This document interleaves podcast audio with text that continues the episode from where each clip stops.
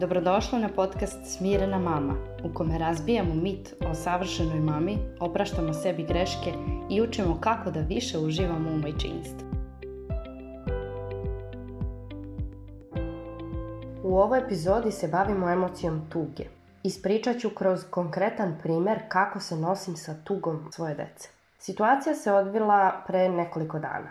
Kao uvod bitno je da kažem da radim od kuće i imam kancelariju na spratu, do koga se stiže stepenicama koje su s polja. Deca ne smiju sama da se penju na te stepenice jer nije bezbedno, s obzirom na to da nemamo zaštitnu ogradu, tako da Gore u kancelariju idu samo sa nekim od nas. Tog jutra je Senka, moja mlađa čerka koja ima tačno tri godine, bila je budna kada sam krenula gore da radim. Muž i starije dete bili su također budni, ali još u krevetu, dok se mlađe igrala po kući. Ja sam otišla da radim, nije prošlo pet minuta, zove me muž, kaže dođi molim te, senka plače, obula je čizme, hoće da dođe kod tebe. Krenula je da izlazi na vrata, da se popne gore kod tebe. Ja zbunjena, ne znam što se desilo, vidjela je da idem u kancelariju, javila sam joj si, i sve bilo u redu. Naravno, sišla sam dole, ušla sam u kuću i prvo što sam uradila kad sam ušla, zagrlila sam je. Znam da ima vremena za pitanja i objašnjavanje i sad je najvažnije bilo da je utešim. Rekla sam joj tu kad se malo primirila, pošto je baš plakala. Rekla sam joj, znam da si tužna kad nismo zajedno i ja tebe volim i volim da provodim vreme sa tobom. Ne znaš nikako sama da se penješ gore kod mene, ako hoćeš da dođem, da me pozoveš, kaži tati da me pozove. I tu vidim da se ona primirila. Ja rekao ok, sad ću ja da se vratim gore da radim. Međutim, primetila sam da, da se njoj emocija nije spustila. Primetila sam da je još uvijek emocija prisutna, da je još uvijek jak intenzitet emocije i da joj treba otpuštanje. I onda sam je pitala, jel si još tužna? Ona je rekla da i počela da plače. U tom trenutku se ona otvorila i shvatila sam zbog čega je zapravo ona bila tužna, zbog čega je toliko burno reagovala emocionalno i željela je odmah da dođe kod mene. Ona mi je tada rekla, nisam ti mahala kroz prozor kada si otišla. E sad, to je, to je trenutak, to je kao neki naš mali ritual kada ja izađem na vrata, prolazim pored prozora od njihove sobe i onda one meni mašu kao čao čao i ja odem gore. I Bez obzira na to što se ja njima javim, njima znači to mahanje, eto, kao jedan mali, bukvalno mali ritual pozdravljanja kada ja idem gore da radim. Sad, koliko god meni bilo čudno u, neku ruku što ja njima toliko nedostajem, iako sam evo ovdje gore na spratu, najduže što se ne vidimo je dva sata, Obično pravim pauze na svakih sat, sat i po dva i siđem dole malo da ih vidim, da radimo nešto zajedno pa se vratim. Ali one mene ne vide, fizički nisam tu pored njih i mlađoj čerki to teže pada naravno jer takvog je i senzibiliteta, a i prosto mlađa je. Tu mi je sve bilo jasno, tu sam je pitala ti si zbog toga u stvari tužna što ti nisam mahala kroz prozor kad sam pošla u kancelariju. Ona kaže da. Sad ja nemam pojma da li je ona stajala na prozoru, čekala da je mahnem ili nije, ali ja nisam ni pogledala i ne znam, uopšte nisam obratila pažnju. Na kraju krajeva to nije ni važno. Važno je da je ona meni saopštila kako se osjeća i zašto se tako osjeća i šta je uzrokovalo tu tugu koju je ona osjetila.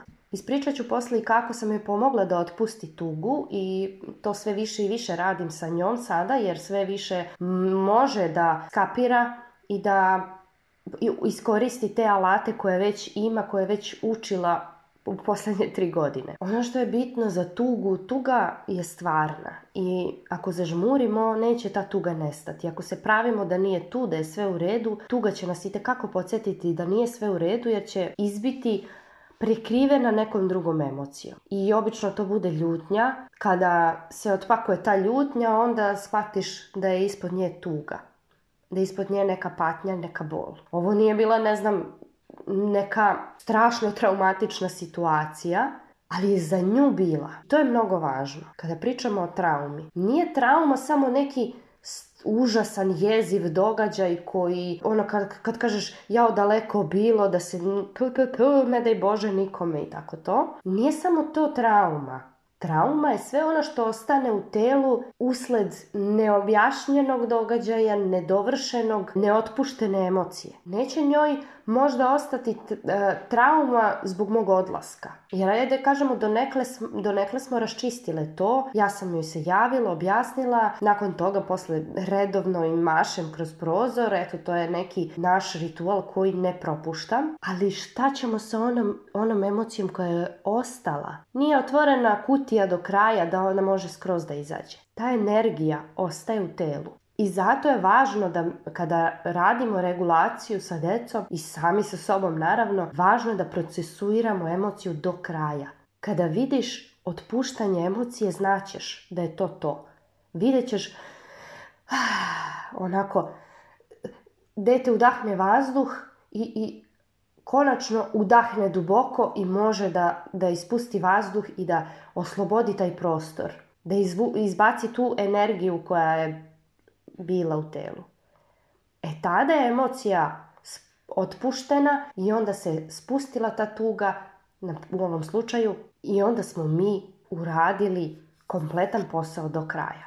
Šta ja radim kada vidim da je emocija još uvijek u telu prisutna, da se podigla? Pitam gdje je ta emocija? Sada sam ja nju konkretno pitala, hajde da vidimo gdje je ta tuga. Gdje osjećaš tugu u svom telu? I najčešće tugu osjećamo u grudima ili u grlu. Kao knedlu u grlu ili kao neko stiskanje u grudima, stezanje. To je najčešće kako ljudi opisuju osjećaj tuge u telu. Ja sama kada sam tužna onda, znate ono kad kažu boli me duša boli me srce. Otprilike je to to, zato što ta bol se tu smesti u, u srcu, u grudima i tu imamo osjećaj kao da nešto steže. Senka mi je pokazala na grudi, kaže tu, ko tu te steže, da. I onda sam čučnula ispred nje, stavila sam njenu ruku na, na njene grudi, na to mesto i preko nje sam stavila svoju ruku. Rekla sam, hajde da dišemo duboko. Ajmo deset puta dišemo duboko. I onda sam mi pokazala kako, udišemo na nos, izdišemo na usta i ona je pratila mene. Ja sam blago, blago zatvorila i oči, u pojedinim trenucima sam žmurila, cijela sam se spustila. Svu svoju energiju sam spustila i na taj način sam joj pomogla da se ona reguliše, da se ona umiri, da umiri svoj nervni sistem i da se ta njena emocija spusti. Tako radimo koregulaciju sa decom tako im pomažemo da se smire.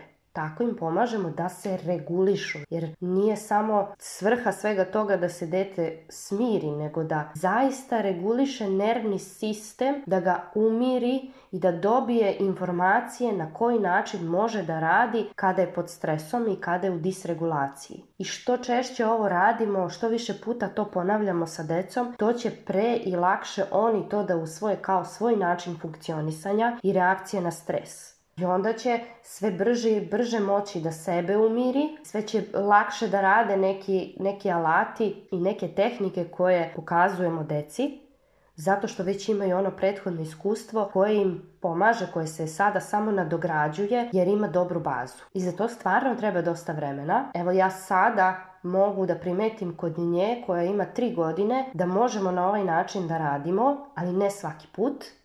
Nije svaki put raspoložena za tu saradnju, ja ne potrefim svaki put trenutak i to je sasvim u redu jer ni ja ne, mogu da, da uradim savršeno svaki put. Neki put i ne prepoznam da je ostalo još nešto što treba da se čisti. Prosto ostane tako prašnjavo i kada padne sljedeći sloj prašine, ja onda vidim da je ostalo i ono od prošlog puta pa onda to počistim. Tako nekako hendlam sve to i da kažemo da držim pod kontrolom u tom smislu da sam shvatila da ne mogu sve to da držim pod kontrolom i kada sam pustila tu potrebu, onda mnogo lakše upravljam situacijama. Nakon što smo disale duboko deset puta, kada sam vidjela da je otpustila emociju, onda smo mogle opet da nastavimo dalje. Pitala sam je li sada bolje? Da. Jel te još steže? Ne. ne. Nema više da me steže. Idemo dalje. I vidjela sam da je ona spremna da nastavi dalje, da je ta priča zaokružena i da je ona dobila ono što je potrebno u tom momentu. I zaista sam ponosna na sebe zbog svega toga. Naglašavam to zato što je vrlo važno da stvarno sebi dajemo priznanje, pohvalimo same sebe kada uradimo nešto što čime smo zadovoljne, što nam se sviđa. Da kažemo, e, ovo je baš bilo dobro, svaka mi čast. A ne ja, ba da, bilo je ok, ali eto, nisam deset, prethodnih deset puta nisam uspjela. Ajde da se fokusiramo na ove dobre stvari, šta smo uspjele, šta smo uradile kako treba, kako želimo i volimo, jer uvek će biti tih loših trenutaka, uvek će biti tih failova, uvek će biti nečega što smatramo neuspehom, ali hajde više da se usredsredimo na to kada zaista uradimo nešto dobro, da možemo i same sebe da pohvalimo, ne, ne, ne moramo da čekamo da nas neko drugi hvali. Na ovaj način regulišemo emocije u smislu vidimo šta se događa, prepoznajemo emociju, prihvatamo je, kažemo ok, ja se osjećam tako i to je sasvim u redu da se osjećam tako, a osjećam se tako zbog toga i toga. Dakle, ona je bila tužna jer mi se nije, nije mi mahala kroz prozor i to je sasvim validna emocija. Za jedno dete od tri godine to je velika stvar. Njoj je to ceo život. Šta ona ima veće od toga? Zašto bi nešto što ja smatram većim i važnijim bilo istinito za nju. I zašto ne bih ja njene neke velike stvari koje su meni možda sada male kada uporedim sa nekim pod navodnicima ozbiljnim odraslim problemima, zašto ja njih ne bih prihvatila kao veliku stvar? Ako je njoj to važno, onda i meni važno. I ako uzmemo decu za ozbiljno, ako ih shvatamo ozbiljno kada im nam nešto govore i pokazuju svojim ponašanjem, onda će i oni nas uzeti za ozbiljno. I ako poštujemo ove male stvari, onda će mnogo više biti otvoreniji i imati više povjerenja u nas da nam povere neke veće stvari kako budu rasli. Jer nećemo doći do, do povjerenja da dete deli sa nama probleme i nevolje u koje će upasti kada bude u pubertetu, kada bude tinejdžer, ako sada nema osjećaj da nam je važno ono što nam govori. Da je njegov život nama važan da su događanja u njegovom životu, njegove emocije, nama važne. Ako se teško nosiš sa tugom svog deteta, imam za tebe jednu vežbu. Zamisli sebe kao malu devojčicu koja dolazi kod tebe odrasle, počne da plače i kaže ti da je tužna. Na koji način bi postupila sa njom, šta bi joj rekla, šta bi uradila? Zamisli sebe kao malu devojčicu Dakle, to je tvoja unutrašnja djevojčica. Koliko imaš godina, samo će ti doći.